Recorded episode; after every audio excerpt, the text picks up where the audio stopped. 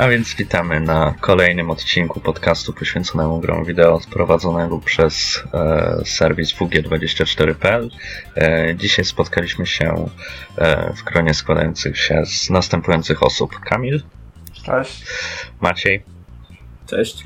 Kajetan. Cześć, cześć. E, I ja, Bartek, będę e, hostował ten podcast. Stwierdziliśmy, że warto by było dzisiaj poruszyć temat e, jednego z najczęściej się zmieniających ze względu na ciągle ewoluujące trendy w branży gatunków, czyli shooterów sieciowych.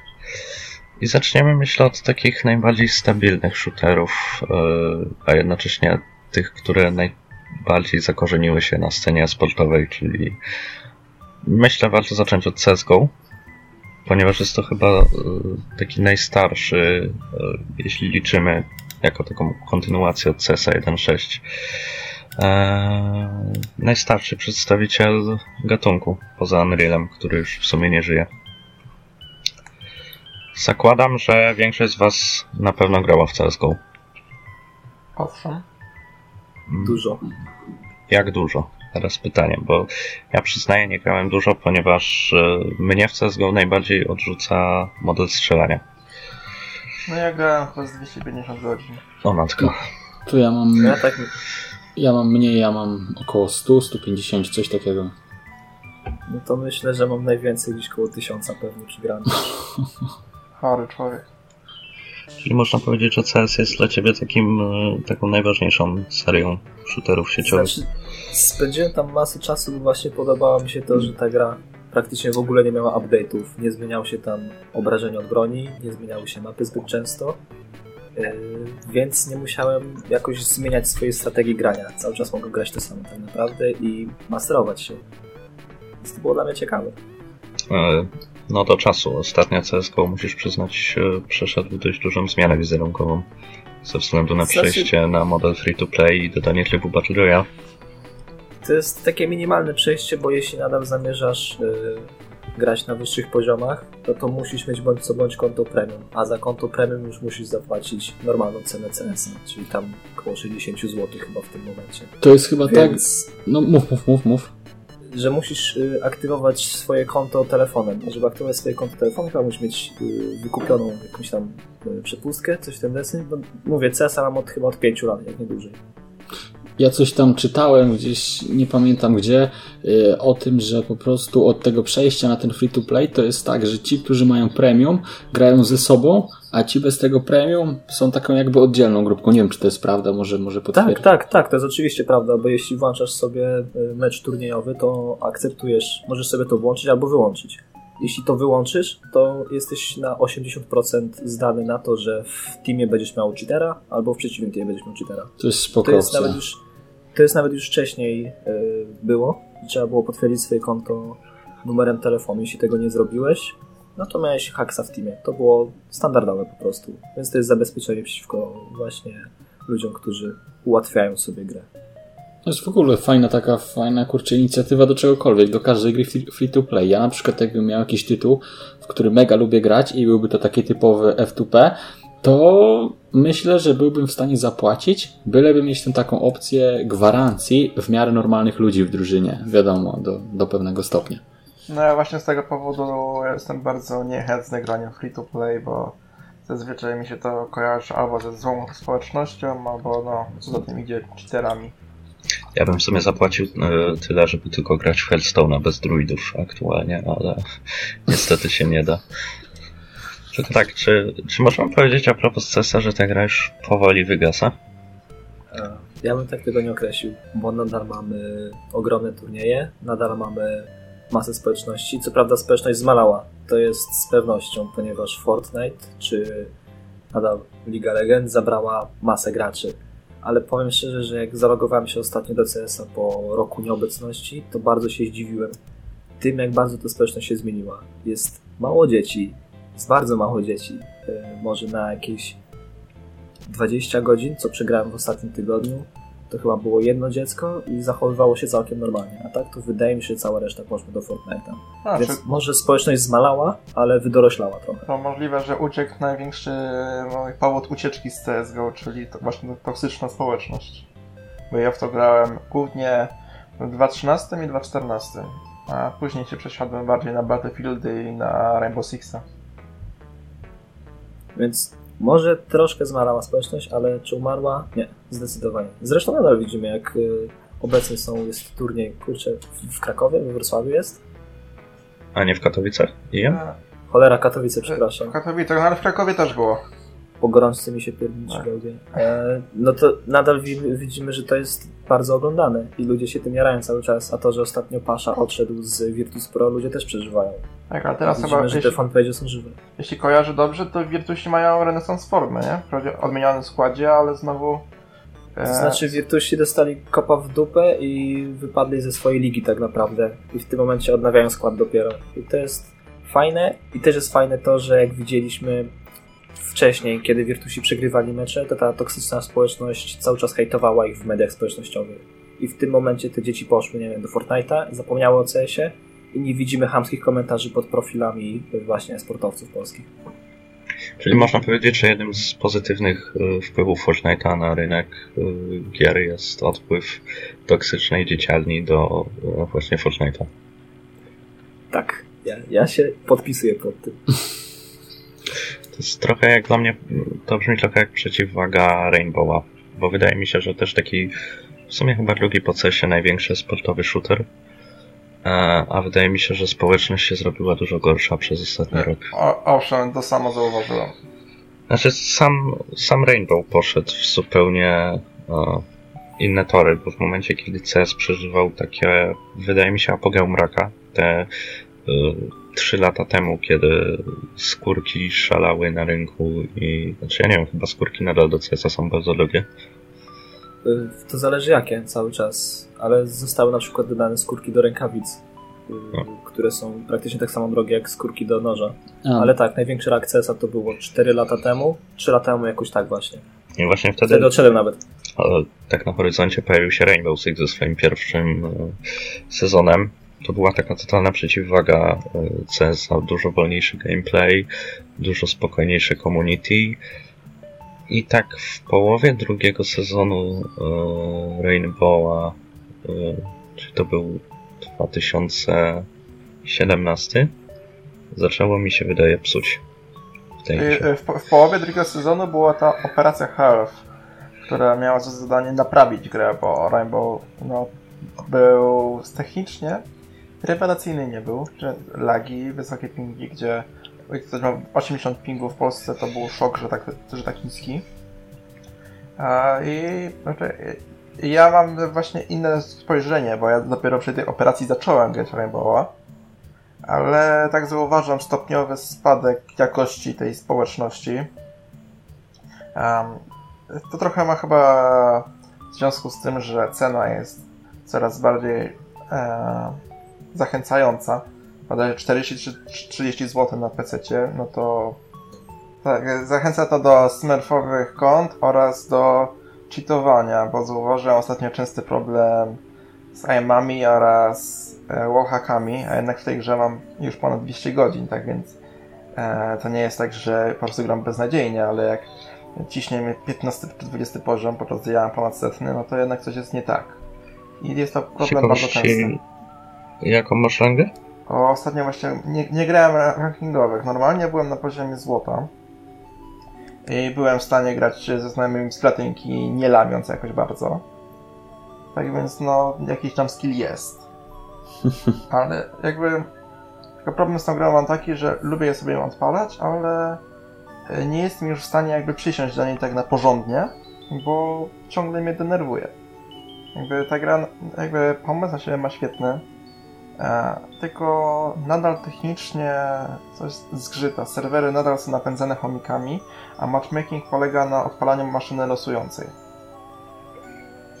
Matchmaking w Rainbow to zawsze był w sumie problem, od, odkąd pamiętam, ale e, powiem Ci, ja mam takie zupełnie inne spostrzeżenia na to, co jest moim zdaniem źle w Rainbow i e, tak, ja mam w tej grze 700 godzin. Gram właściwie od początku, od kiedy Rainbow wyszedł e, w ramach bety e, i powiem Ci, E, zauważam, że ta gra to jest e, przede wszystkim tam jest coś takiego, że e, tak jak Maciek powiedział na początku, on może w CS-a po czterech latach grać praktycznie tą samą strategią i ona będzie działać, prawda? Rainbow totalnie ewoluuje. Właściwie z każdym sezonem Rainbow ewoluuje, ponieważ dochodzą nowi operatorzy, nowe umiejętności, nowe mapy, na których gra się całkiem inaczej i moim zdaniem problem z Rainbowem się zaczyna wtedy, kiedy dochodzą przede wszystkim operatorzy, którzy yy, nagle przeradzają tę grę w jakieś science fiction, bo zacznijmy od tego. Rainbow jak zaczynał miał bardzo yy, dobrze, moim zdaniem, przemyślanych operatorów. Oni wszyscy działali tak, że mieli jakąś jedną ważną umiejętność, ale ta umiejętność nigdy nie była przesadzona. I na każdą była Natomiast kontra. wydaje mi się, że mocno zaczęło się psuć z wejściem mniej więcej gromu do gry. Eee, Boże, pamiętam jak grałem Elom jeszcze przed jej pierwszym nerfem. Eee, ty Kamil wszedłeś do gry Już w momencie wtedy. gromu, czy?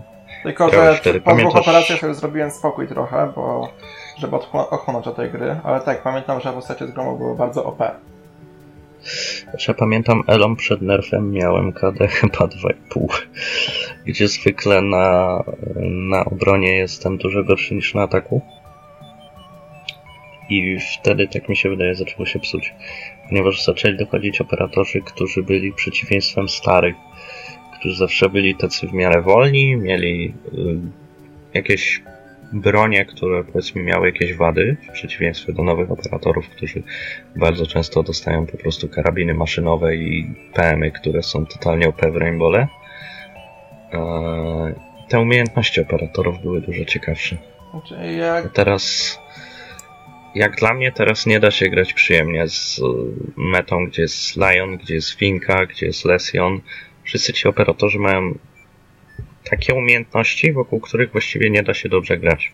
Ja, ja jestem przyzwyczajony do tego i mi to nie przeszkadza, nawet to, że gra ciągle ewoluuje i mi się podoba. E, problem jest jednak trochę taki, że z czym się zgodzę, bo e, a propos podstawy operatorów, że tak jak wspomniałem, na wszystkich była kontra. A teraz niekoniecznie jest ta kontra. Na przykład mamy postać Mavrika, który ma palnik i może przepalać wzmocnione ściany. Niby jest to dobre, tylko problem jest taki, że nie ma żadnego sposobu, żeby się na to zabezpieczyć.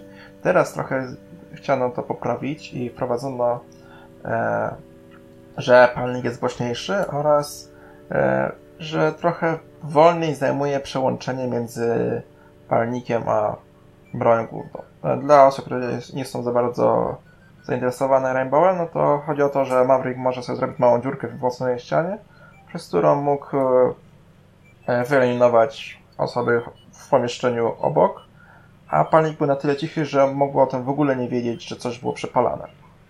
No. Tak, wzmocnienie ścian to w ogóle jest bardzo ważny element Rainbowa, a z Maverickiem mi się też wydaje jest taki problem, że kiedyś w becie, żeby otworzyć taką ścianę, potrzebowałeś tak naprawdę w teamie dwóch dobrze skrajonych operatorów.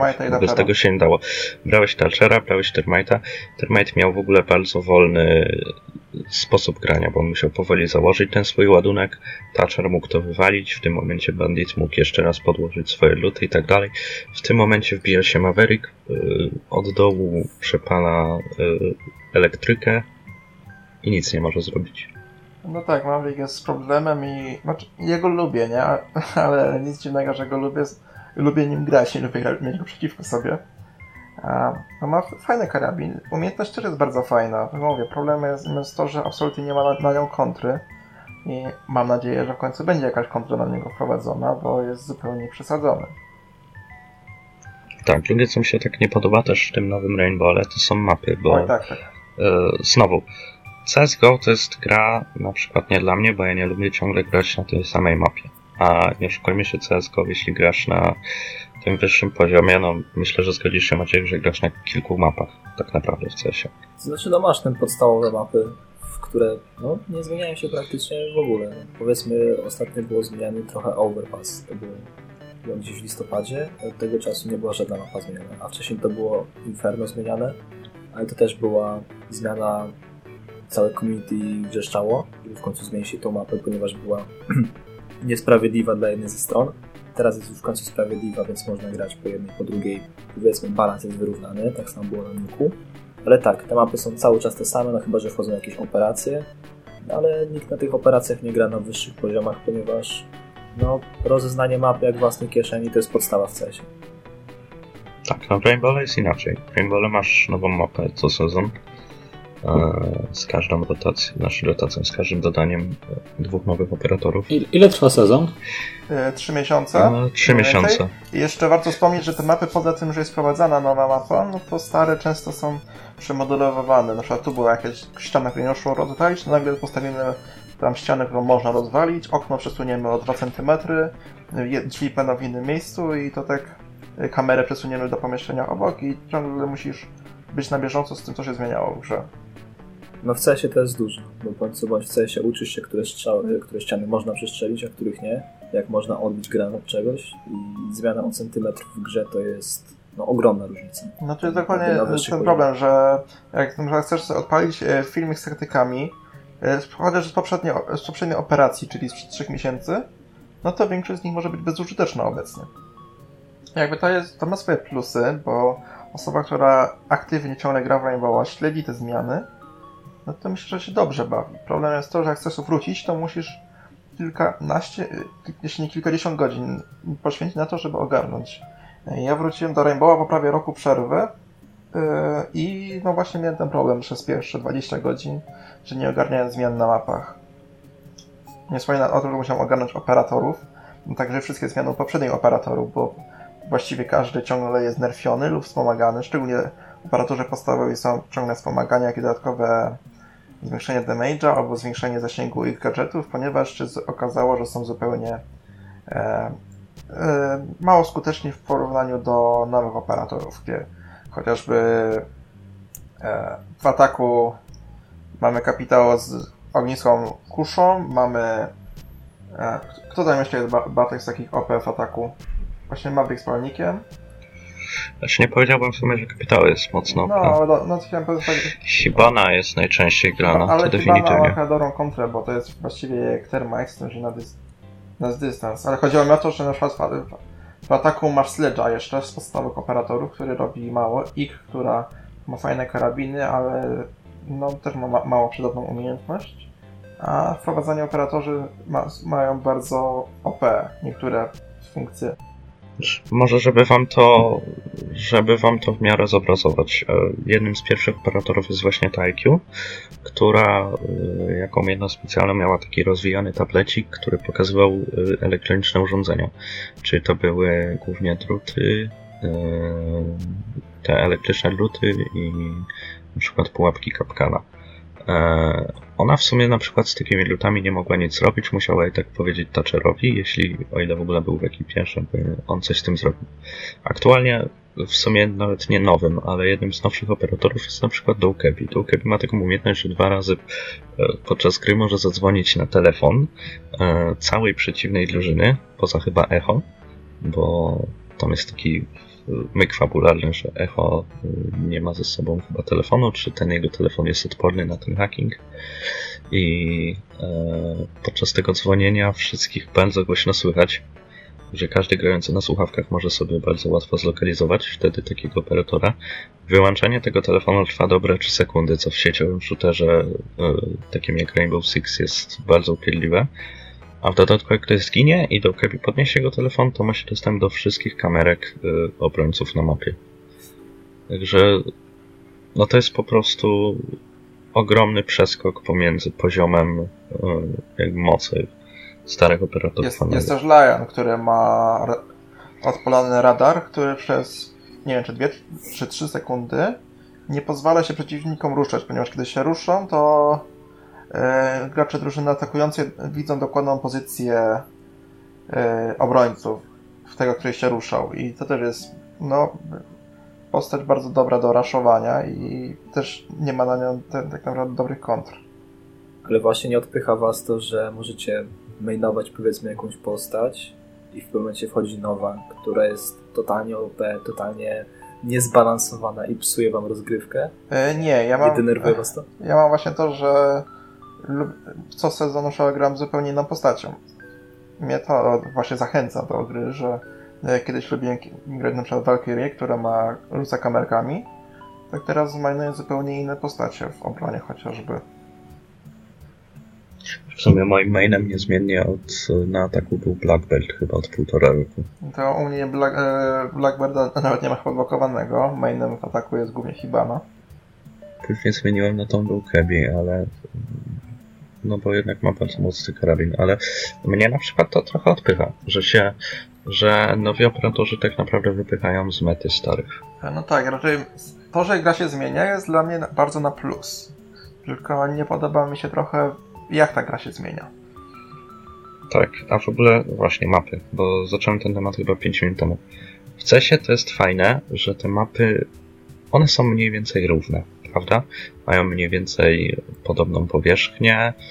E, nie mówię, że tak samo się na nich chodzi, ale powiedzmy zasady rozgrywki na tych mapach są podobne, prawda? To są zawsze mapy, które się dzieją głównie w poziomie, na jakiejś jednej kondygnacji i wokół tego się buduje rozgrywkę, prawda? No mniej więcej tak. No i oczywiście odległości od bomb site'ów dla terro są troszeczkę większe, ponieważ muszą tam dobiec jednak, a antyterroryści muszą zająć swoje pozycje, więc są troszeczkę krótsze. No to też rekompensuje z tym, że na przykład jeśli terroryści zajmą jeden bombsite, to ci drudzy muszą dalszą drogę do rotowania, żeby przebiec i odbić. Ale tak, są, wyru są wyrównane mniej więcej. No, oprócz Cobblestone'a, gdzie się gra 4 na jednym bombsite i 1 na tym drugim. No i teraz wchodzi Rainbow. Z każdą operacją dodają całkowicie inną mapę i wydaje mi się, że y, ostatnio była taka tendencja, którą trochę przerwała włoska operacja, że każda kolejna mapa była absolutnie gorsza od poprzedniej. Runda w Rainbow ma 3 minuty. I w momencie, kiedy gra się dzieje na starych mapach, które zazwyczaj mają dwa piętra i plus tam jakiś poziom piwnicy, tylko że ten budynek jest mały, na jednym piętrze mamy, nie wiem, sześć pomieszczeń, prawda? Jeśli mówimy o domu, to tylko trzy, bo to jest taka bardzo mała mapa, ale nie jest już zbytnio grana, bo jest niezbalansowana. I jak porównamy to do nowych map w Rainbowle, na przykład e, nowej wieży, która weszła razem z koreańskimi operatorami, to jest jak dla mnie absolutnie najgorszą mapą w historii tej gry. A ja Ma się bardzo... trzy kondygnacje. Na jedną z kondygnacji w ogóle nie mogą wejść obrońcy.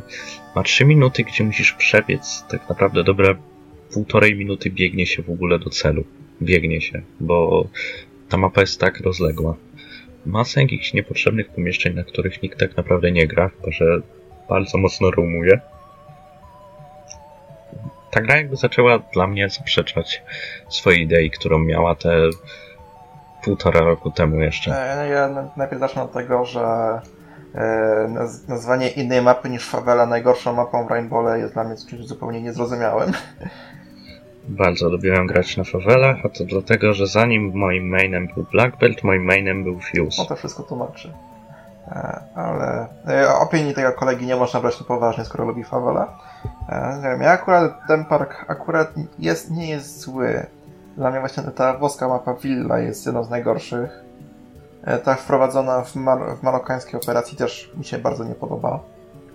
Ale ogółem jest właśnie taka bardzo korytarzowa struktura, tak jak wspomniałeś, wielu pięter, gdzie ciągle masz pełno pomieszczeń, i no właściwie bardzo ciężko ogarnąć wszystkie pomieszczenia naraz i właściwie pewnym jest, że wszyscy już są w środku, bo a oblegięcie obrońcy na drugi koniec mapy powoduje, że w przypadku ataku nie jest fizycznie w stanie nawet zdążyć na cel.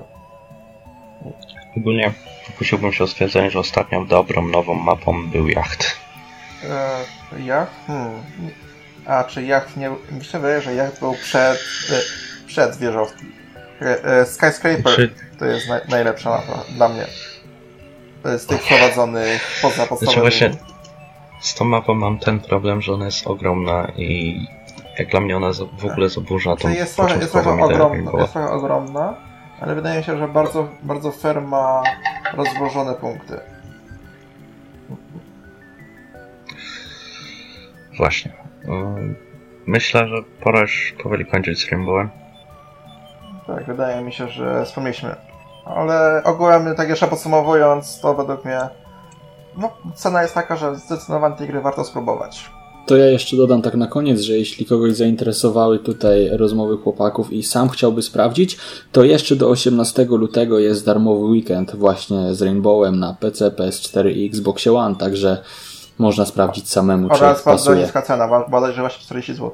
Tak, tak, a mówię, teraz ja jeszcze od do poniedziałku. chciałem jeszcze dodać, że bardzo naiwne jest zakładanie, że ja to zmontuję do 18 lutego.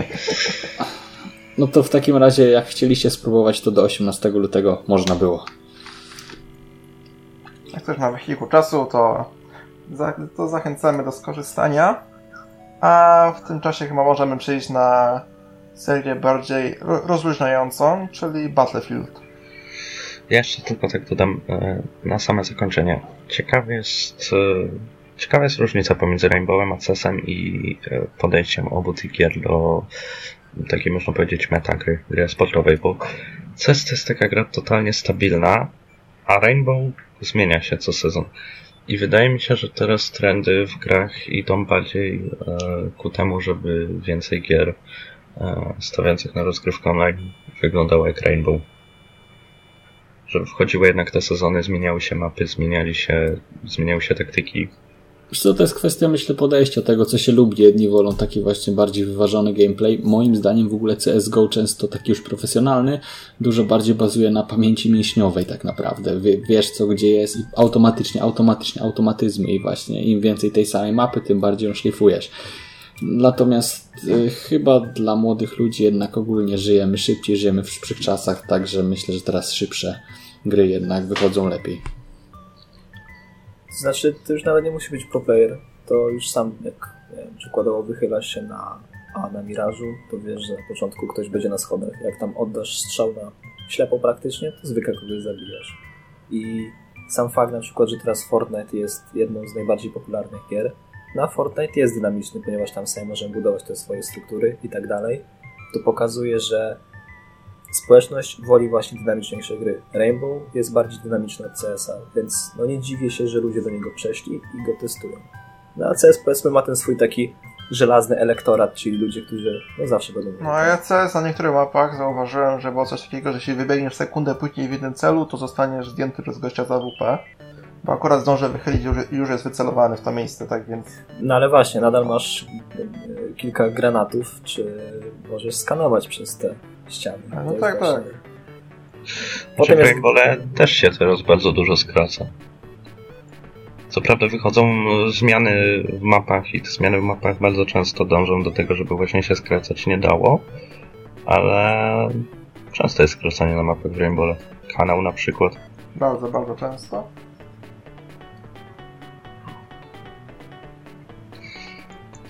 Przechodząc już myślę do tych bardziej yy, Luźniejszy. rekreacyjnych, luźniejszych rekreacyjnych e, gier. Jak wam się podobał ostatni Battlefield? Może od siebie zacznę. Właśnie też nie grałem. Swoją przygodę z Battlefieldem, powiedzmy 1942, dwójka, Bad Company 2 już coraz mniej, trójka jeszcze minimalnie, a później stwierdziłem, że to jest cały czas tak naprawdę odgrzewany kotlet, gdzie mówią nam, że będziemy mieć coś nowego, nowe mapy, nowe umiejętności, fajne, większe mapy i większe potyczki, ale cały czas dostajemy tylko i wyłącznie to samo. No, lepiej wygląda. Znaczy, no ja z Battlefieldami mam e, trochę ten problem, co, ale nie do końca. E, u mnie z kolei jest to trochę tak, że e, no ja najwięcej spędzałem w Battlefieldzie trójce i czwórce. No w tych odsłonach mam chyba ponad 250 godzin w każdej, jeśli nie jeszcze więcej. I no, nadal gra mi się w nie dobrze. Nadal mają sprawdzone, sprawdzone schematy, dobre mapy. I no po prostu wszystko działa jak należy. Znaczy są tam drobne błędy, ale to już inny temat. A taki Battlefield 1 e, już chciał coś zrobić innego. I to było dobre, że chcieli zrobić coś innego. Tylko mam wrażenie, że ta gra straciła coś, e, ten luźny klimat. Jakby Battlefield odpalałem na przykład na 15 minut na jakąś szybki tryb, a tutaj mapy e, Battlefield próbował być realistyczny, ale e, on nigdy nie był grą realistyczną. No bo w jakiej grze przyjmiesz magazynek na klatę i jeszcze żyjesz? No, na pewno nie w realistycznej. I e, próbował bardzo spowolnić grę w Battlefieldzie 1 oraz Battlefieldzie 5, właśnie wprowadzając, próbując stworzyć realistyczną grę. I to nie, jakby mi nie wychodziło. Już warto też wspomnieć o tym, że Battlefield 1 na PC-tach często ma problem z kodem sieciowym, przez który większość osób, czy no nie, nie większość, ale e, wielu moich znajomych, w tym, w tym ja, e, pomimo tego, że spełniał, spełnia wymagania sprzętowe pozwalające mi grać na wysokich e, ustawieniach, mam problem na, nawet na najniższych, ponieważ gra mnie po prostu lubi przyciąć. I słyszałem, że ten problem jest również na e, Battlefieldzie 5. Tak To- więc. Miałem to samo No. w jedynce, także... Czy te problemy w ogóle stoją po stronie y, GPU i CPU, czy po stronie kodu e, sieci, sieciowego? kodu sieciowego. No, mu mówi, No to w sumie Ja- zmiana zjazd y, tych y, jakości grafiki nie powinien w ogóle nic zmieniać. No tak, Jeśli bo mówię, właśnie na- nie było żadnych różnic między niskimi a na, najwyższymi, bo wszystkie spełniane, tylko po prostu pojawiają się te, bo tam czerwone kontrolki, że coś jest nie tak z połączeniem. E, i, no i tyle, ślinało mi na sekundę, wracasz normalny, biegam chwilę i znowu spadek do 20 klatek, teraz przyczytnie całkowicie. No i no daleko temu było do przyjemnego grania. A jednak jakoś nie jestem fanem Battlefielda na konsoli. Ja właśnie, mm, czy nawiązując do tego, to myślę będzie taka chyba główna myśl, która się będzie y, przewijała przez cały ten podcast. Są FPS-y, które nie ewoluują nic a nic praktycznie, a są FPS-y, które ewoluują bardzo. I jak dla mnie Battlefield nie ewoluuje nic a nic, jeśli chodzi o techniczną stronę tej gry. On wygląda coraz lepiej, on zmienia y, jakoś y, realia historyczne, chociaż w przypadku piątki to ja bym nie powiedział, że tam są jakiekolwiek realia. E, Ale to jest ciągle to samo. To, co było reklamowane jako taka rewolucja, te kiedy wyszedł Battlefield e, Czwórka? z tych jeszcze starszych. Nie, nie, to stare. na dwójkę szedłem 1942, A, tak, tak, tak, 43. tak, to też było.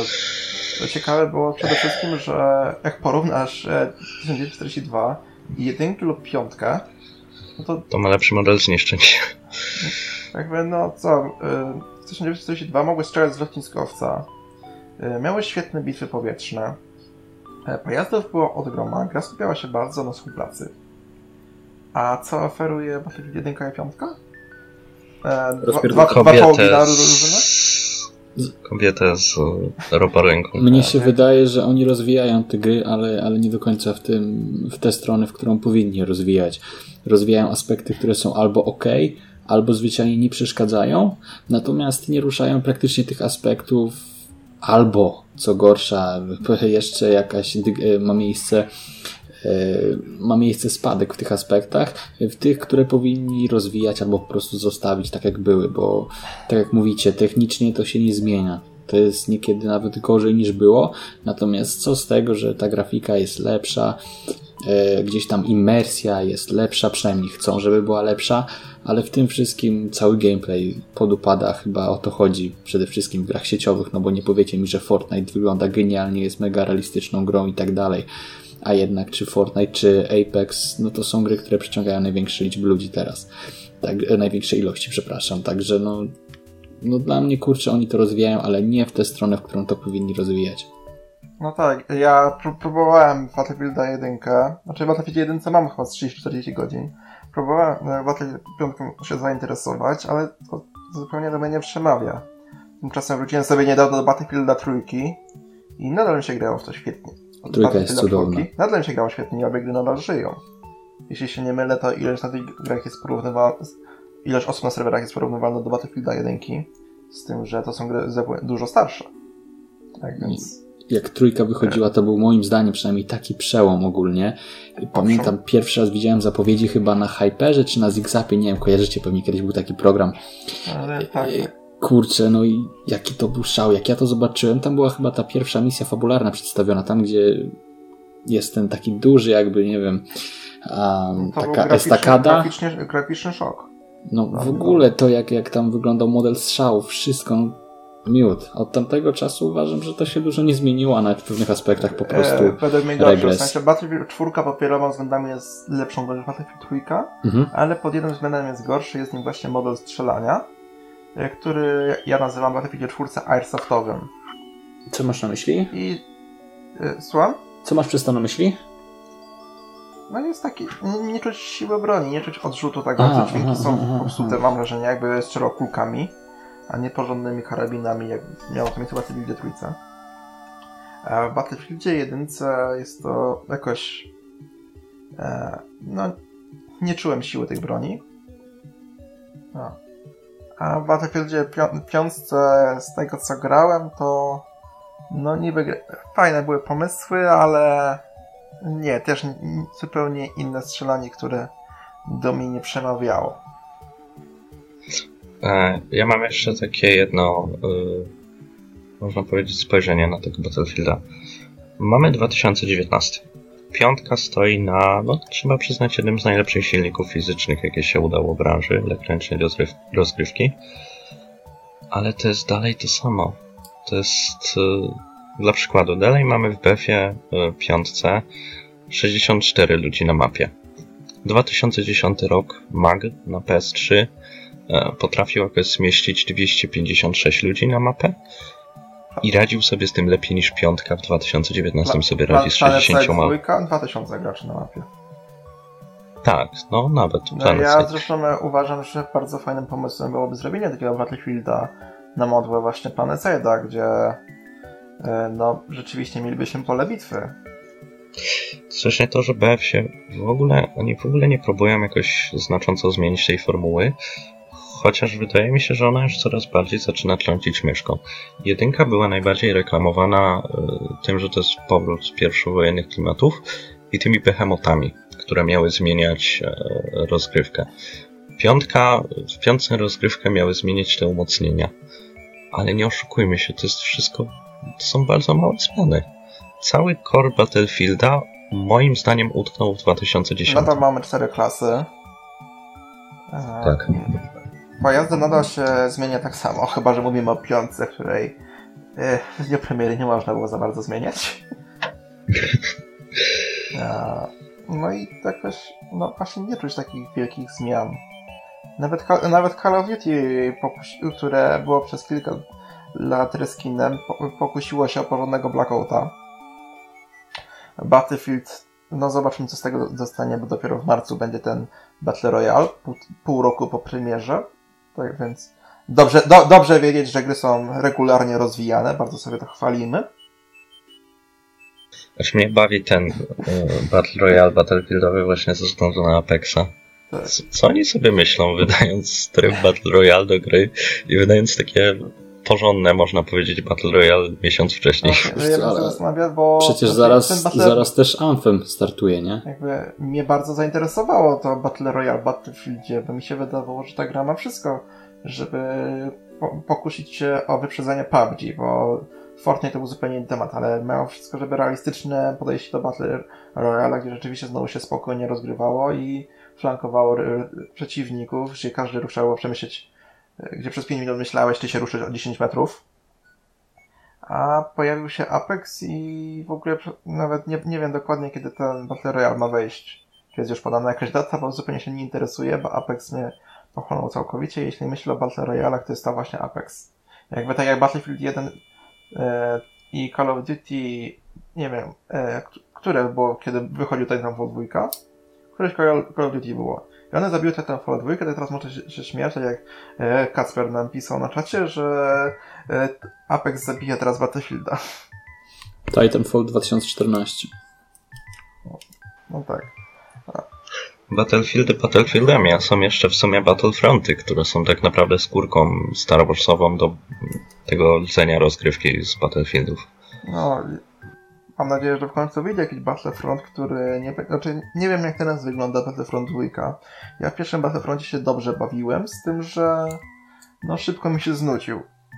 Zresztą że na, na, dla mnie największą siłą Battlefronta były starcia powietrzne i tryb eskadry. Liczyłem trochę po cichu, że wyjdzie pełna gra tylko właśnie o walkach powietrznych. A... Ja miałem do recenzji Battlefronta 2, to mogę trochę powiedzieć. No to zapraszamy. Powiem szczerze, zaczął się fajnie. To było, jak nie jestem jakimś super fanem Gwiezdnych Wojen i tak dalej, tych najnowszych części, powiem szczerze, nawet nie oglądałem. E, fajnie mi się było wczuć tą rolę, ale po kilku rozgrywkach wdała się taka nieciekawa zależność. nie wiadomo kogo do cholery przypisało ci do teamu i można było się zacząć na pierwszym posterunku, bo trzeba było zdobywać posterunki, więc jeśli byłeś atakującym, a cały twój team nie potrafił wbiec nawet na pierwszy posterunek, to 15-minutowa rozgrywka zamieniała się w dość nudne ginięcie po prostu na karabinach maszynowych. Plus sam fakt z tych kart, które mogli się odblokować. Niby nie wpływało jakoś super na rozgrywkę, ale jeśli miałeś odpowiednie karty do postaci Jedi na przykład i zdobyłeś postać Jedi na mapie, byłeś no niezabijalny. Mogłeś mordować wszystkich na mapie, robiłeś wołem po prostu. I kolejny problem, kiedy ty zdobyłeś, uciłałeś ciężko te punkty na Jedi i grałeś nim pierwszy raz, no to byłeś do kitu, bo nie wiedziałeś jak nim się posługiwać na mapie, więc zaraz pierwszy szturmowy ci mógł rozwalić. Ale jak już kilka razy nie pograłeś, no to faktycznie byłeś zbyt OP. A kampania to, no, dość nudna sprawa, to nie będziemy się nad tym rozwodzić. A starcie powietrzne były faktycznie, to było coś, co mnie zaciekawiło i czasem do tego wracam. A cała reszta, nie. Może na 3 godziny, dobra, maksymalnie 10. No tak, Battlefront jest taką grą, w której można sobie wracać na chwilę, ale ciężko ją traktować jako poważnego FPS-a, który tobą wsiąknie na kilkaset godzin. No chyba, że faktycznie znajdziesz sobie ekipę 30 osób i będziesz z nimi grać cały czas. To wtedy może ci sprawiać ogromną frajdę. Ale z randomami, gdzie nawet nie mamy czatu głosowego, kompletnie się to nie sprawdza. To jest w ogóle ciekawe, jak e, dobrze Electronic Arts sobie radzi z ubijaniem swoich własnych shooterów sieciowych. Pierwszego Battlefronta zabili... E, nie. Pierwszego Battlefronta po prostu, po prostu im nie wyszedł. Drugiego zabili lootboxami. Battlefielda 5 zabili wspaniałym trailerem i dalszymi e, działaniami PR-owców w stylu jeśli wam się nie podoba to, że łamiemy jakieś tam historyczne e, fakty i kanony, to po prostu nie kupujcie tej gry. No i szok, ludzie faktycznie nie kupili tej gry. Tej mam z Pikachu? Trochę. No, ja naprawdę to doceniam, jak dobrze im wychodzi e, zachęcenie graczy do niekupowania jej gier. No i ogółem całe, całe wspieranie, zawartość gdy premiery i stopniowe rozwijanie gry. Chodzi o mnie stopniowe rozwijanie gry oznacza, że kupię jak gra się rozwinie całkowicie. Znaczy ja odbieram takie wrażenie, że Electronic Arts złapał w sumie e, kurę znoszącą złote jaja w postaci Battlefielda. No i fajnie, mamy formę, która działa, więc będziemy co jakiś czas wypuszczać kolejne dzieło, które jest lustrzaną kopią poprzedniego. Nie zmieniamy tam nic, bo jak coś zmienimy, to może być gorsze. Nawet to, co powiedziałeś, że w Battlefieldzie 1 mieliśmy te e, balony, tak? Które trzeba było zniszczyć i z nich można było strzelać. To samo było w Battlefieldzie 2142 przecież. Były te tryb Moloch, gdzie jeden team spawnował się na ogromnym lotniskowcu w powietrzu, który tam sunął. To jest cały czas to samo tak naprawdę. Właśnie nie brakuje takiego powrotu, takiego odważniejszego rzucenia się tego właśnie Battlefield 2042. Gdyby mnie jest, byłby bardzo ciekawym pomysłem rzucenia się w to, to mnie naprawdę zaciekawiło. Bo Battlefield 1 mnie trochę rozczarował, jakby nie chciałem, żeby był powrót do Battlefielda 5. Liczyłem właśnie na coś zupełnie innego. No a się okazało, że jednak mamy drugą wojnę światową i trochę to nie wyszło. Pewnie za pewnie w przyszłym roku będzie zapowiedziana kolejna odsłona. Miejmy nadzieję, że nie Hardline na przykład. No a te odsłonie zupełnie można zapomnieć. Nie wiem, czy to w ogóle jeszcze żyje. Bardzo, w bardzo niewielkim stopniu. O dziwo, przed chwilą sprawdziłem, nie najgorsze ceny mają y, Battlefield Hardline. Nie, Znaczy, może Hardline- zmienić po premierze. Hardline nie był złą grą, tylko był no, grą na chwilę. Tak wiesz. Jeszcze krótszy niż Battlefront. Tak. A tak jeszcze wracając do tego, że serii, które Microsoft ma, no to jeszcze Medal of Honor tam istnieje, jakby ona chyba śmiercią naturalną, bo nie kojarzę, żeby było złe, tylko po prostu przez to, że mieli Battlefielda, e, Battlefronta mają, no i jeszcze Titanfall gdzieś tam jest. Jakby po prostu ta seria zrobiła się niepotrzebna i nie wydawali tego dalej.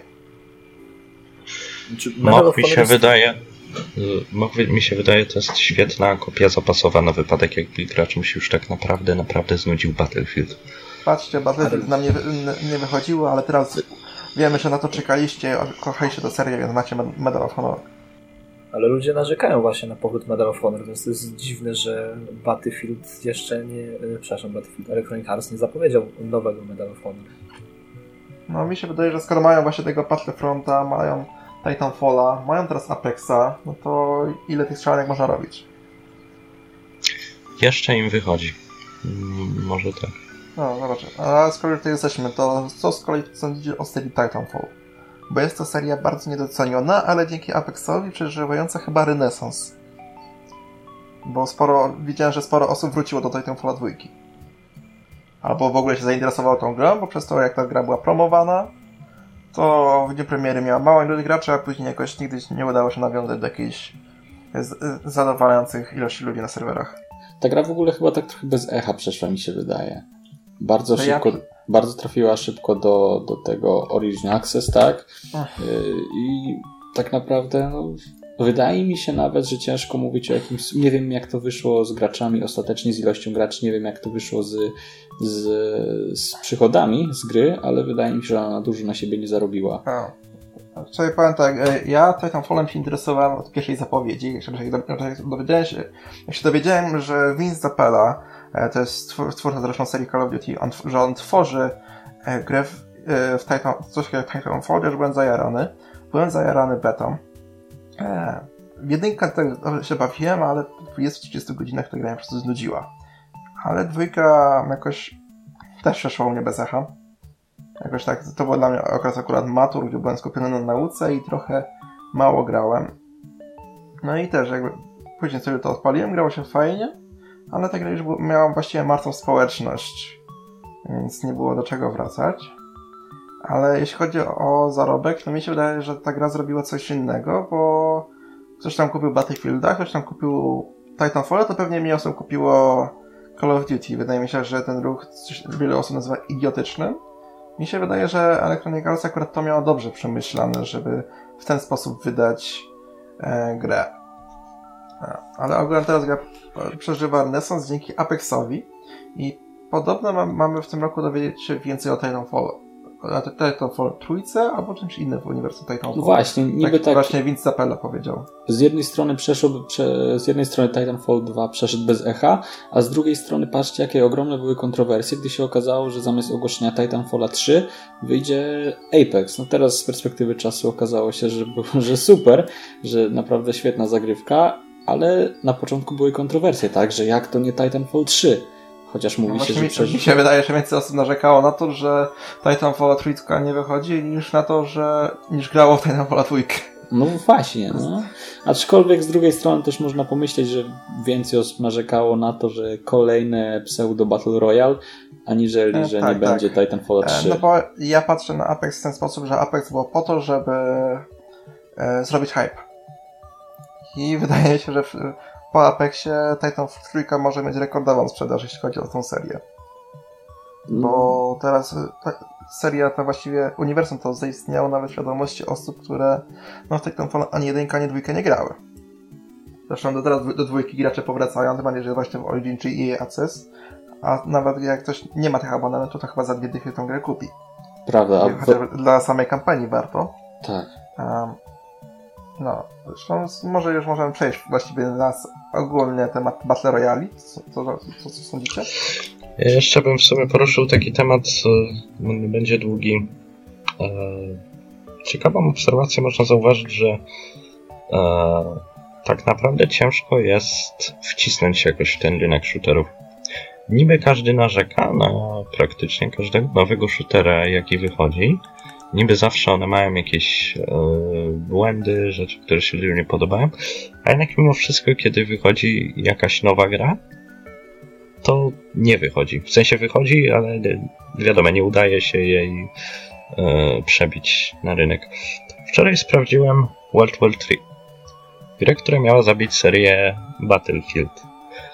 E, gra w nią aktualnie mniej osób nie znajduje się w jednym lobby Tetrisa 99. E, I teraz skąd to wynika? Znaczy, World War 3 to był przede wszystkim ogromny file na premierę, prawda? no, Ta gra nie no, działała po prostu, ale skąd to wynika, że nikt się nie wychyli? Znaczy, powiedzieć, że nikt się nie wychyli, to jest błąd, bo no powiedzmy sobie szczerze, Ubisoft się wychylił z Rainbow Sixem. No. Tylko, że seria Tom Clancy była od wielu lat. Tak, ale zupełnie w innej formie. Ona nigdy nie była serią online. to zawsze jednak było... Ale to też jest duża firma, która jednak dokopa. wie, tak, co robi. Tak, oni sobie mogli pozwolić. Tak, i tutaj jest trochę problem tego, że to trzeba opłacać serwery. Gra, to muszą być dobre serwery, bo jednak każda milisekunda tutaj jest ważna. I jakby są tytuły, które mają swoje nisze. Na przykład ja swego czasu grałem trochę w Insurgency. E, Teraz tę grę można dorwać za grosze, zresztą niedawno chyba wyszła druga część. Jedynka A, była przez to, to długi miało, czas za miała swoją niszę, która się dobrze bawiła. I to też było trochę podejście do realizmu. Teraz miałem, nawet recenzowałem Tannenberg, recenzja wisi na stronie. I też się bawiłem dobrze. To też było zupełnie inne podejście do realizmu, które zupełnie się Battlefieldowi nie udawało. No ale też w tą grę obecnie gra, grało 200, 200 osób, tylko że ta gra miała niedawno premierę, więc to jest coś zupełnie... No, po, powinno mieć trochę, trochę więcej nie premiery.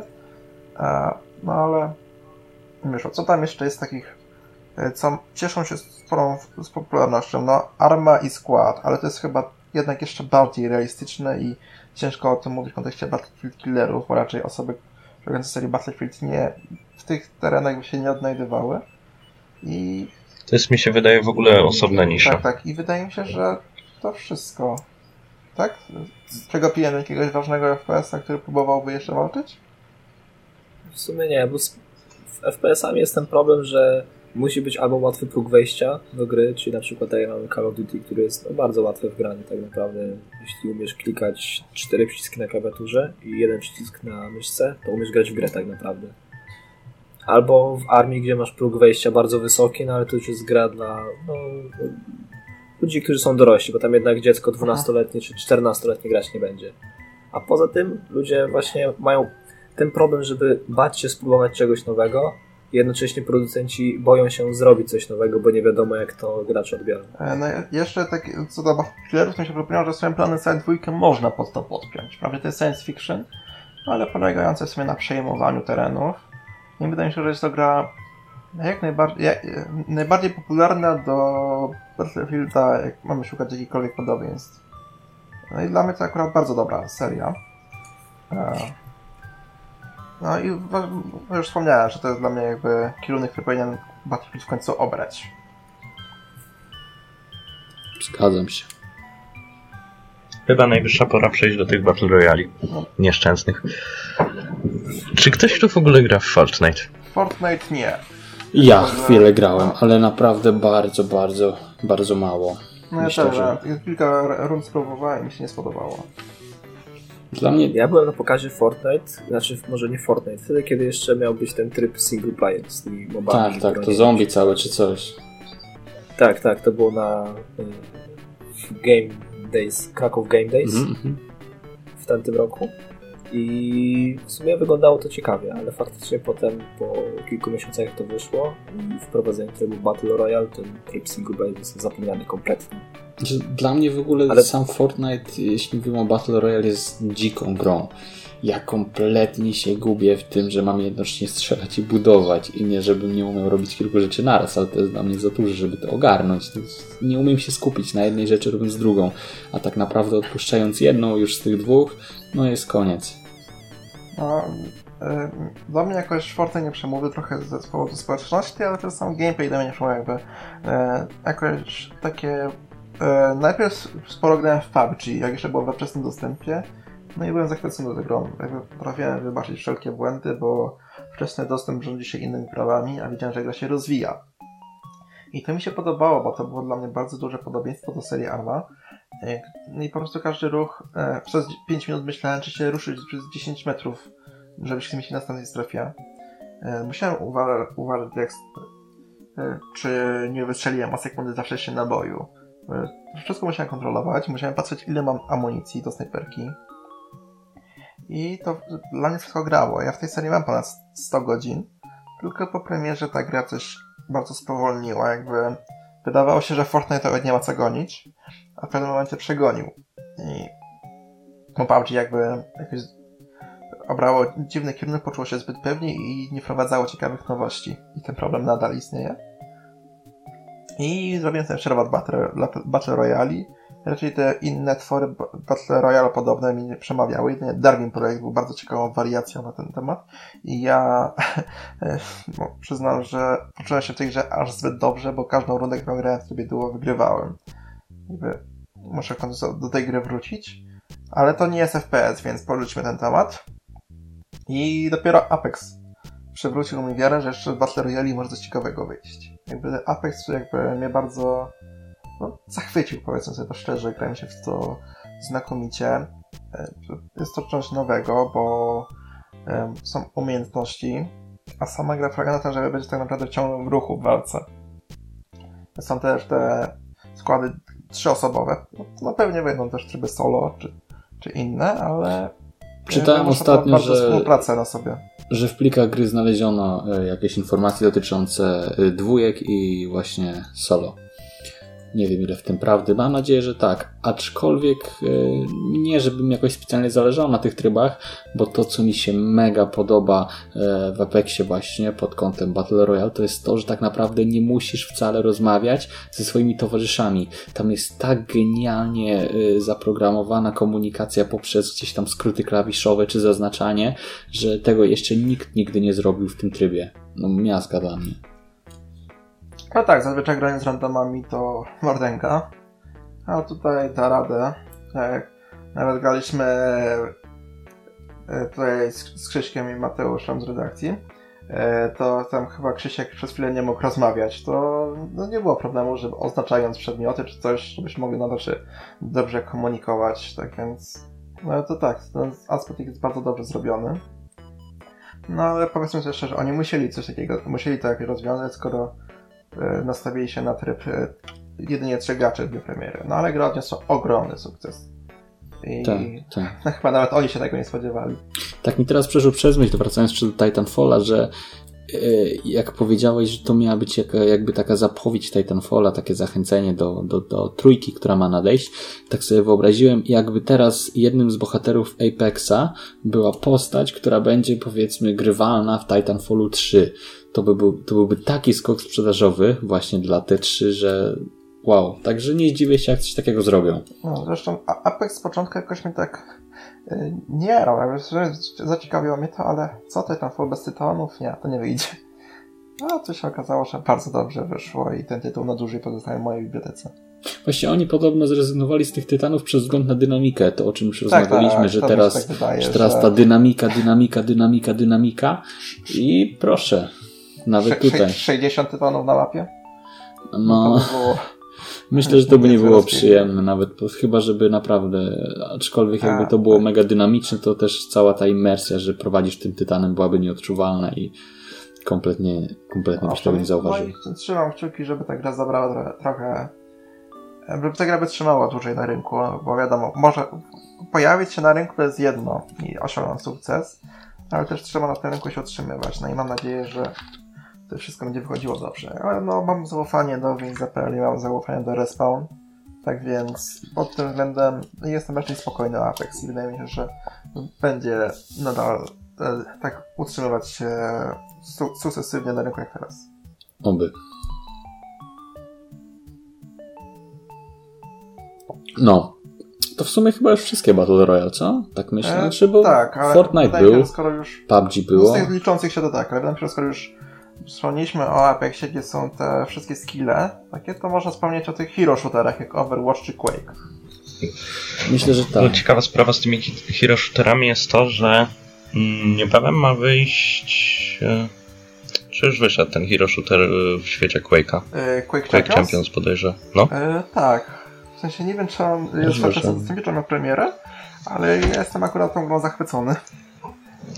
Właśnie tak.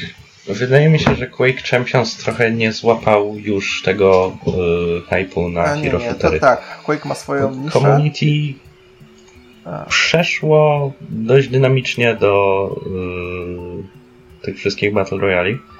Nie oszukujmy się, era hero shooterów była w momencie, kiedy Overwatch się tak tak, wybił bardzo. Zgadzam się. Quake Teraz- jest obecnie we wczesnym dostępie. Tak, tak, właśnie tak, też tak, sprawdziłem. I, a, ale. E, Quake ma według mnie bardzo fajną społeczność. Jako jeden z najlepszych gier darmowych. Znaczy nie wiem, czy on jest darmowy, czy po prostu klucze są rozdawane tak często, że bez problemu można się do tej gry dostać. No to jest free to play. A, tak, bo za moich czasów to jeszcze trzeba było dostać klucz do tej gry, bo jestem nią od pierwszej bety, tak więc trochę się z tą zaznajomiłem, no i je, ja raczej przez to, że jest wczesnym dostępie, to za bardzo w to nie gram, bo jednak jest, wychodzę z założenia, że czekam aż gra wyjdzie, wy, będzie miała już premierę oficjalną.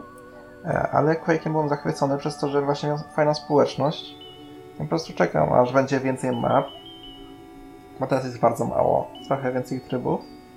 No ale ta gra ma według mnie e, wszystko to, czego można było oczekiwać od Quake'a. Po prostu gra jest bardzo szybka, bardzo dynamiczna, ale działa świetnie. E, te wszystkie postacie e, nie zauważyłem, żeby była jakaś postać OP. No i według mnie to jest taka darmowa, ale według mnie bardzo dobrze rozwiązana.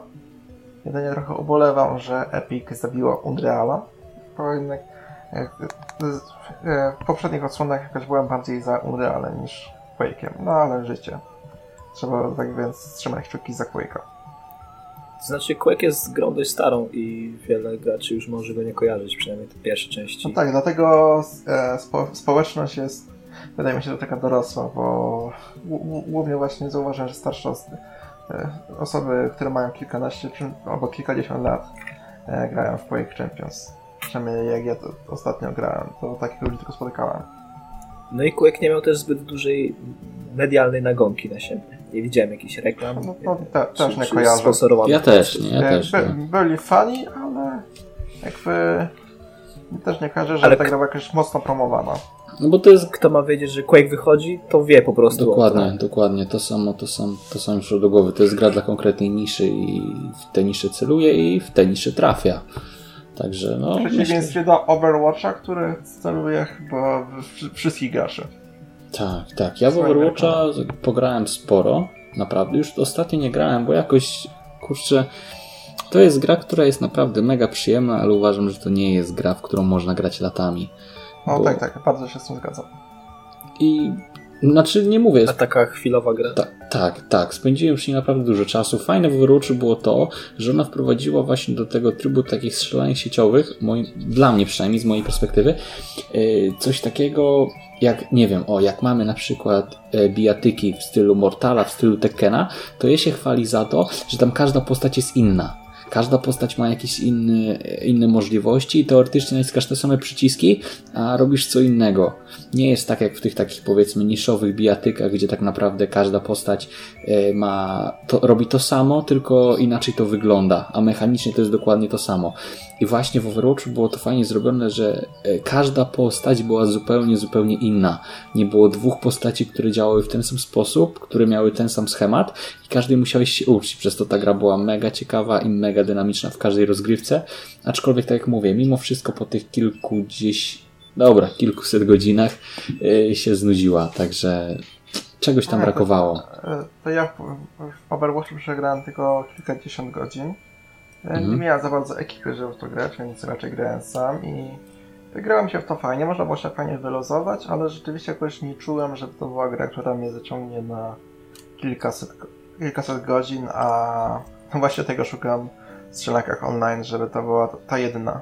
Mi się wydaje, że ona mimo wszystko była trochę za wolno rozwijana bo jednak, okej, okay, były jakieś te eventy, wszystkie gdzieś tam nowy chiński rok, Halloween i tak dalej, ale one głównie obfitowały w nowe skórki i jakieś paczki. Natomiast sam rozwój gry, moim zdaniem, ciut za wolny. Graliście w darmowego Overwatcha, czyli w Paladins? Tak, ja grałem. Ja grałem nawet jeszcze przed, przed Overwatchem, także y, nie odczułem, żeby, żeby Paladins był klonem Overwatcha, bo u mnie ta kolejność była inna. Z tego co ja wiem, to chyba Paladins jest starszą grą, co?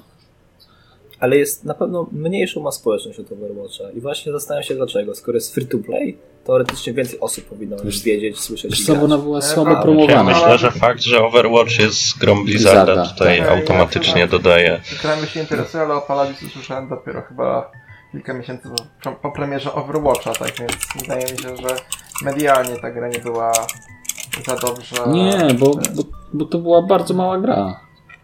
To była strasznie mała gra i tak naprawdę o niej było mega cicho y, i ona nie miała takiej siły przebicia. Szczególnie, że ona jakoś tam podobnie wyszła względem Overwatcha. a potem chyba y, największy, największy taki boom, jaki Paladin zaliczył, to był w związku z tym, że wszyscy mówili oho, oho, klon Overwatcha. Natomiast to jest naprawdę mega dobra gra i jeśli ktoś nie grał, to ja z całego serca polecam, bo w przeciwieństwie do Overwatcha jest to gra darmowa y, i no zawsze warto sprawdzić, tak? Jeśli darmowa, to nic nie tracicie poza tam kilkunastoma gigabajtami y, na dysku, także no warto, po prostu warto, bo jest mega ciekawie. No, ciekawi mnie jednak, że w sumie na tym się kończą hero shootery. No jeszcze w Apexie, nie? Jakby... Chyba się... Znaczy, było tego więcej, tylko poumierały. Tak. Mm, Tak, tak, Był ba. Battleborn bodajże? Tak to się nazywało. Było coś takiego. E, Był też ten hero shooter od twórców Saints Row. Tak. Było tego więcej, ale wszystko Team poumierało. Fortress w sumie. Drugi też, też był dość głośny. Nie wiem, No czy tak, możemy tak, go zaliczyć tak, do Team hero shooterów. Wydaje mi się, że tak. się, że tak. To jeszcze, jeszcze wcześniej. Tak, to Nie, dużo, wiem, dużo nie wiem, wcześniej. nie wiem, czy ta gra jeszcze, do, za, jeszcze żyje. W sumie też nie, nie grałem. Tak chyba też jest, aktywnie jak kiedyś. też ale... jest darmowa chyba. Team Fortress Mnie nie 2, prze- oczywiście, że tak. Znaczy, no nie, bo ja słyszałem, że ten, wiele fajnych serwerów czytałem, jak, że są już zamykane, tak więc tak mi się wydało, ale dobra. Ale nie wiem, Znaczy są nadal ta, ludzie, ta, gra którzy do mnie, grają, ta ale gra mnie jakoś nie przekonała przez to, że było jakby za... Nie wiem, wyda- wydawało mi się, że jest za mało skillowa. Jakby tylko taka typowa podluźna gra, nie? Jakoś mnie to nie przekonało.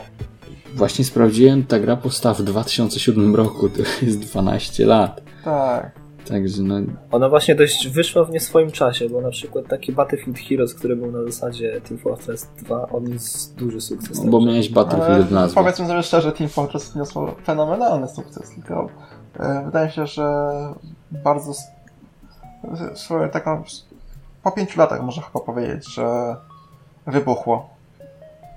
Tak naprawdę. Bo wyszło w nie swojej erze. Tak. Tak. chyba No, można, no. można to powiedzieć o Team Fortress 2. Tak, no tak nawet spójrzmy na to z boku. Jeśli Team Fortress 2 gra tego pokroju, nawet taka sama graficznie by wyszła teraz, to uważam, że to byłby hit. No to jest grafika stylizowana, tak więc tu ciężko powiedzieć, żeby gra, gra była brzydka. A no, pom- pomysł Team Fortress miał bardzo dobry. Rozgrywka, mechanika praktycznie nie zmienia się w dzisiejszej formie. Proste było i sprawdzone. Tak, tak. Grafika też się tak naprawdę nie starzeje. No to, to tak naprawdę taki typowy kreskówkowy shooter. I to dzisiaj naprawdę no, renesans, tak? Tego jest, tak jak już powtórzyliśmy to słowo chyba milion razy, no ale no renesans. No ale Wolf nie, nie musi robić gier, ma, ma Steama, więc... Tak, tak, tak. No i dlatego, znaczy to trochę też szkoda, bo jednak oni te shootery umieją robić. Pokazali właśnie przez No. Team Fortress czy no samego CS-a i fajnie było na przykład takiego Half-Life'a 3 w multi zagrać moim zdaniem. Czy może nie multi, ale w ogóle Half-Life No, 3 No, Half, przez Half-Life jest, Rozpędziłem Half-Life się. jest podłożem do CS-a, dla Team Fortressa, dla Garry's Moda. Tak, tak, tak. Tak, tak więc... Znaczy, no ja bym powiedział, że w sumie nawet Unreal jest podłożem do wszystkich tych gier. No, owszem.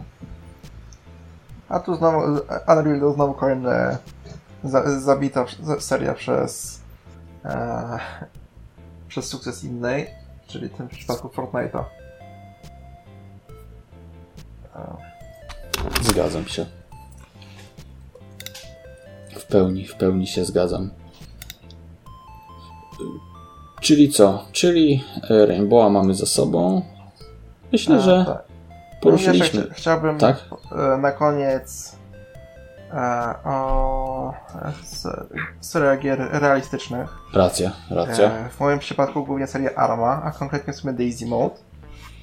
E, FPS to prawdę nie jest, bo głównie grało się na trzeciej osobie, Mhm. e, ale e, ta gra była zachwycona. Pomimo tego, że działała beznadziejnie, bugów miała pełno, ale miała świetną społeczność i jakby w mało której grze, grze przez godzinę flankował przeciwnika. Jakby to było tak, że przez 3 godziny, mamy sobie co 3 godziny ustawiony restart serwera, robiłem jakąś misję, gdzie musiałem oczywiście online, gdzie po prostu flankowałem przez godzinę przeciwnika, bo się spodziewałem, że gdzieś 2 km naprzeciwko mnie jest snajper. I to, to ma swój klimat taki, że e, no, bardzo ciężko do tej gry wejść. Bardzo ciężko tę grę zrozumieć. E, no bo tam jednak na modzie co opierało się głównie na walkach z ludźmi, zresztą na wielu serwerach w ogóle zombie byli włączoni. No ale e, ta gra właśnie miała sobie to coś, że starcia po kilku, jeśli nie kilkunastu graczy. E, raz udało nam się przeprowadzić operację, w której chyba 20, grupa 20 graczy e, atakowała bazę przeciwnika.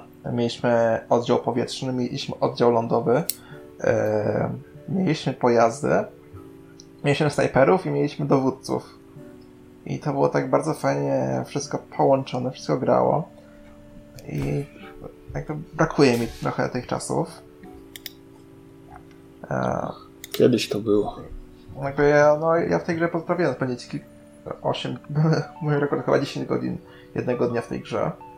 Ojej. Bo rozbudowała się bazę, nie? Przez e, lud znaleziony na misjach, czy po prostu siedzenie ścinanie drzewa, czy kupowane kamienia, handel z rzeczami.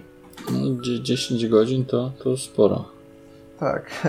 Ja tyle spędziłem w modzie Daisy do Minecrafta. Kiedyś. E, jakby, no... Nie, ta gra to, to trochę jeszcze teraz podumiera przez aktywność, przez ilość cheaterów. Nie wiem dok dokładnie jak to wygląda na Armii Trójce, bo tam ten mod na Armii Trójce był oparty. Ale ogólnie seria Arma właśnie miała sobie ten taki re bardzo realistyczny model, no przez który po prostu trzeba było uważać na każdy strzał. Jak snajper leżał kilometr naprzeciwko ciebie, to nie mogłeś tego zignorować, bo wiesz, że jeden strzał mógł cię całkowicie załatwić. I Z tego co pamiętam, nawet przepraszam, że ci przerwałem, ale nawet jeśli cię nie zabił, to postrzał nie tyle, że powodował spadek HP, bo w armii nie było HP.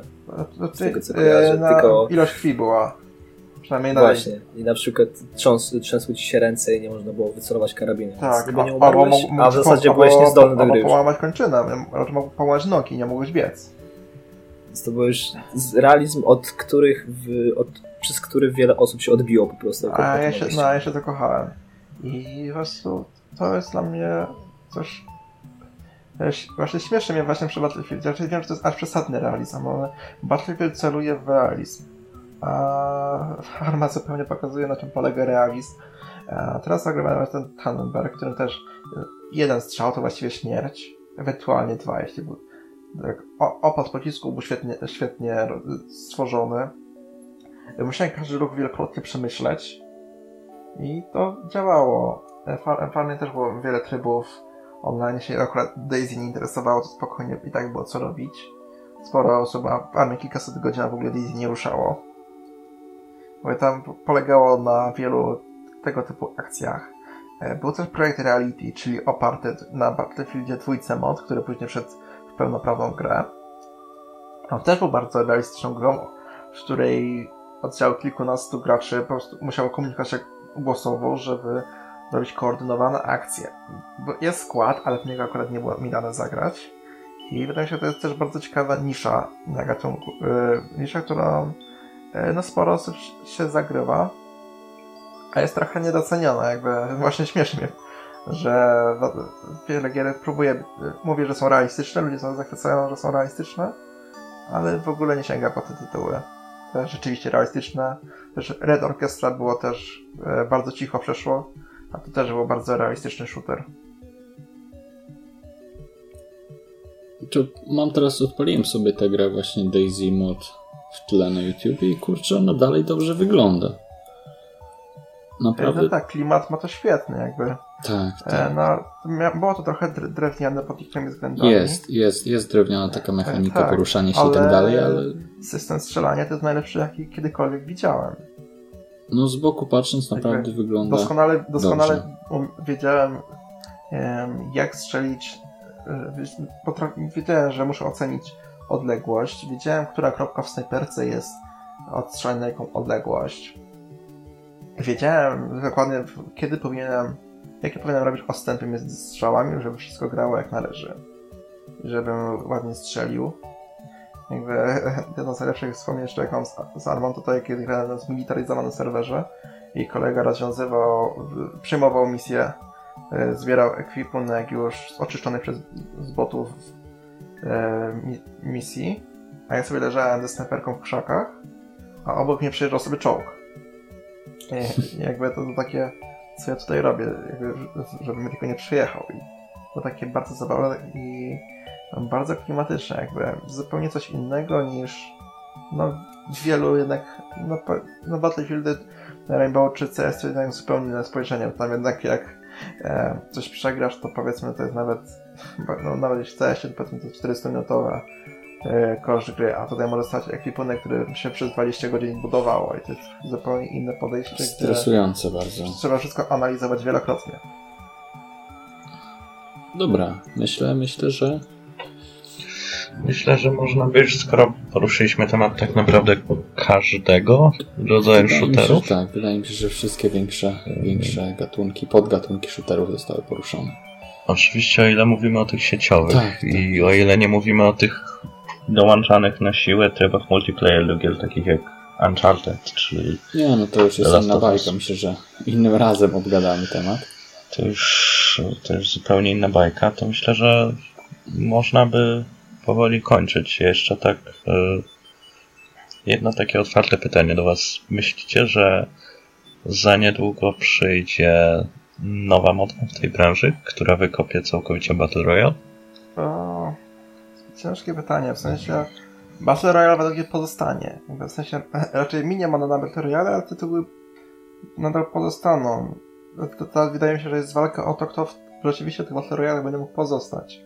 No mam, mamy mobę, w której też było pełno gier, ale tak naprawdę liczy się LOL, Heroes of the Storm ma swoją niszę, jeszcze Dota jakąś swoją niszę ma i to wszystko, a tych mob było pełno. Wydaje mi się, że mamy teraz dokładnie tę samą sytuację z Battle. Mamy Fortnite, który wiadomo, że on się długo jeszcze utrzyma. Apex walczy o to. PUBG no, coraz bardziej traci na popularności. I tutaj kwestia e, twórców, czy są w stanie jeszcze tę grę odbudować, bo są e, ilość graczy, którzy mogłyby w to zagrać, na pewno jest spora, bo sprzedażowo tak naprawdę jest kolosalny sukces. A więc się, że te trzy tytuły tak naprawdę będą się porządnie liczyć, jeśli chodzi o Battle Royale i no, wydaje mi się, że raczej na, na więcej nie ma co liczyć. No ale w końcu przyjdzie nowa moda, tylko pytanie, czy akurat w FPS-ach będzie miała tak duże zna znaczenie jak Battle Royale czy wcześniej Hero Shooter. No, ja myślę, że to się wszystko naprawdę dynamicznie rozwija, także no, wszystko płynie, tak? Jak to po łacinie ładnie zostało powiedziane, Pantarej. I uważam, że, że właśnie tak samo jest w grach w branży gier, że to jest naprawdę mega dynamiczne, cały czas się zmienia, cały czas jest co innego w modzie. I tak jak powiedział Kamil, myślę, że te główne hero, e, czy te główne, przepraszam, e, Battle Royale, jak na przykład Fortnite czy PUBG, pozostaną, choćby miały potem trafiać do jakiejś swojej określonej niszy, ale tej takiej już powiedzmy e, gdzieś tam ustandaryzowanej niszy, to zostaną, chociaż myślę, że, że shootery będą się dalej rozwijać, yy, Battle Royale oczywiście, i będą w pewnym sensie zmieniały swój koncept, ale jak to będzie wyglądało, nie mam pojęcia za Chinę. No według mnie robi się miejsce bo, trochę, bo Battlefieldy zawodzą, Call of Duty jakoś mnie nie przyciągają. Tak, tak, to jest swoją drogą. Po Mhm. prostu dla mnie, dla mnie jest miejsce na coś nowego. I pytanie, czy komuś się uda wykorzystać. Może tutaj tą Trójka okaże się wielkim sukcesem, zobaczymy. Wydaje się, że miejsce, Mi się wydaje, jest, że- tylko musi się udać komuś.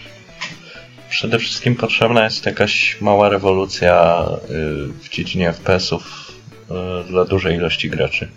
Bo po tak naprawdę już właściwie y, śmierci. Jak się nazywał ten FPS, Kamil? E, Który miał 2000? e, Planet Side 2? Graczy. Ty, on, nie, Planet on, Side nadal- on 2, nadal żyje, grałem w to. tylko Znaczy on przeszedł na Battle Royale też. e, to, znaczy, to jest zupełnie coś nowego będzie. Jakby, to znaczy e, na pewnych zasadach, ale jednak e, jako osobna gra, nie? Ale Planet Side 2 na- A, nadal, okej, czyli będzie. E, nadal żyje. W sensie on już wydawało się, że przeżywa. Dlatego już umiera, że już, już, się, już ta gra miała w 2019 nie żyć. Ale w 2017 pojawiły. E, nie wiem, czy Daybreak, czy ktoś inny przejął. I ta gra przeżywała renesans. Jakby ciekawe aktualizacje, e, zupełnie nowe e, opcje rozgrywki. I wydaje mi się, że ta gra nadal jednak ma. E, no, trzyma się chyba całkiem nieźle. Okej. Okej, myślę, że teraz już na pewno możemy powiedzieć, że wszystko poruszyliśmy. Mm, No mi się wydaje, że w sumie ta gra powoli umiera, ale właśnie Coś czuję, że będzie potrzebna taka rewolucja, która skusi, znaczy skusi, która zmusi jeszcze y, zmieszczenie większej ilości graczy na serwerze.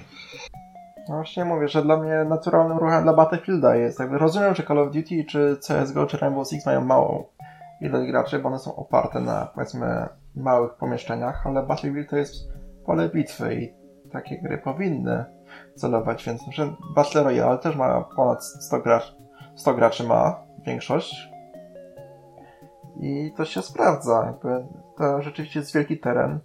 Ja właśnie też jako gracz, który właśnie w armii sporo siedział, też doceniam to, że można e, e, bardzo flankować przeciwników, to, że są zupełnie tereny, które nie byłem przez kilkadziesiąt godzin i się dobrze e, zupełnie mogę zapomnieć, jak one wyglądają. Tego, ciężko, no, będzie zachować, ciężko będzie zachować ten balans pomiędzy realistyczną grafiką a E, a właśnie rozległymi terenami, bo to jednak pojawia się ograniczenie już nie gdzieś tam w kwestii możliwości samych wydawców czy producentów gier, ale w, w, możliwościach naszych komputerów czy konsol, bo to jednak jest duży wysiłek. Co innego jest wyrenderować ogromną mapę, jeśli mamy kreskówkową grafikę jak Fortnite, a co innego jest to zrobić na przykład w Battlefieldzie 5, no, który wygląda, można mu wiele zarzucić, no ale on wygląda i to dużymi literami. No ta, tak, no ten silnik graficzny jest bardzo dobry, ale pytanie, czy nowa generacja konsol przyniesie tę rewolucję? Um, znaczy powiem tak. Myślę, że jeszcze nie. Nie wiem, czy rewolucję, ale obecna generacja konsol zaspała trochę z FPS-ami online. Na, na, na, PlayStation 4 nie ma nic. Jeden jest ten Killzone Shadow no ale to... Który chyba tak, tak, tak, Killzone Shadow e, Na Xboxie jest e, Gears of War 4, E, ale on też nie jest jakoś super żywy w trybie online, mam wrażenie. E, Halo 5 też nie wydaje mi się, żeby odniósł jakiś spektakularny sukces online, przynajmniej dawno nie widziałem jako znajomego, który to grał. No i Halo The Master Chief Collection jest. Jakby... No trochę pusto tego było, no bo co, na PlayStation 3 miałem, były trzy Resistance, których lubiłem sobie, dwójce, lubiłem odpalać sobie tryb online, był Killzone 2 3, w nich również lubiłem odpalać sobie tryb online, E, no Xbox 360 miał e, 4 części Gears of War i 3 części Halo? Coś takiego, nie? Tak, też mi się tego, coś, no, coś mi a około. No, tutaj pusto jest. I nie wiem, czy oni uznali, że FPS-y są niepotrzebne, czy ten gatunek yy, nie ma znaczenia, ale no po prostu, nie wiem, ja jako fan strzelanego, to jest mój ulubiony gatunek, no po prostu byłem zawiedziony tą generacją pod względem ekskluzywnych FPS-ów.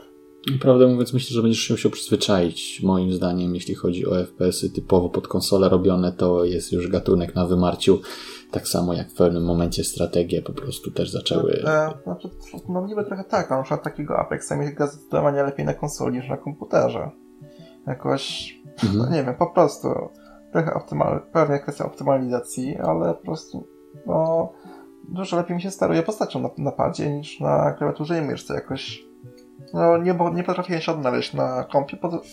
a pod względem FPS-ów jestem bardzo e, osobą, która gra na PC, bo właściwie PC służy tylko do e, FPS-ów i do pewnie strategii, których na konsoli akurat też jeszcze nie gra, jak wspomniałem. Wiesz, tak samo, tak samo Fortnite jest naprawdę mega lubianą grą, jeśli chodzi o konsolę.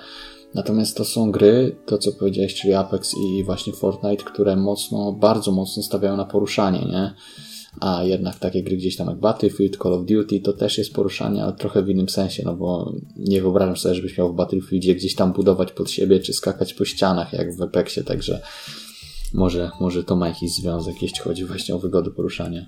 No tak, jakby no, myszka klawiatura, jakby mówi się, że no, FPS-y na konsoli są po powolne, ale fakty są takie, że na kompie mi się wygrała się w połowę FPS jak Rainbow Six czy Battlefield, bo tam parę ułamki sekund, gdzie myszką po prostu będę cel... nagle pamięć myślała mi się odpali i strzał w miejsce. Wiesz co, bo tam, bo tam jest y, jasno przekazane, że najważniejsze jest strzelanie. I na to jest największy nacisk właśnie na strzelanie. A w tych hero shooterach czy, czy e, tych najnowszych battle royalach jednak uważam, że poruszanie jest wcale nie mniej ważne niż samo strzelanie. E, nawet ważniejsze mam wrażenie, że nie trzeba no. umieć strzelać, trzeba się umieć planować wszystko. Tak, tak, tak. tak.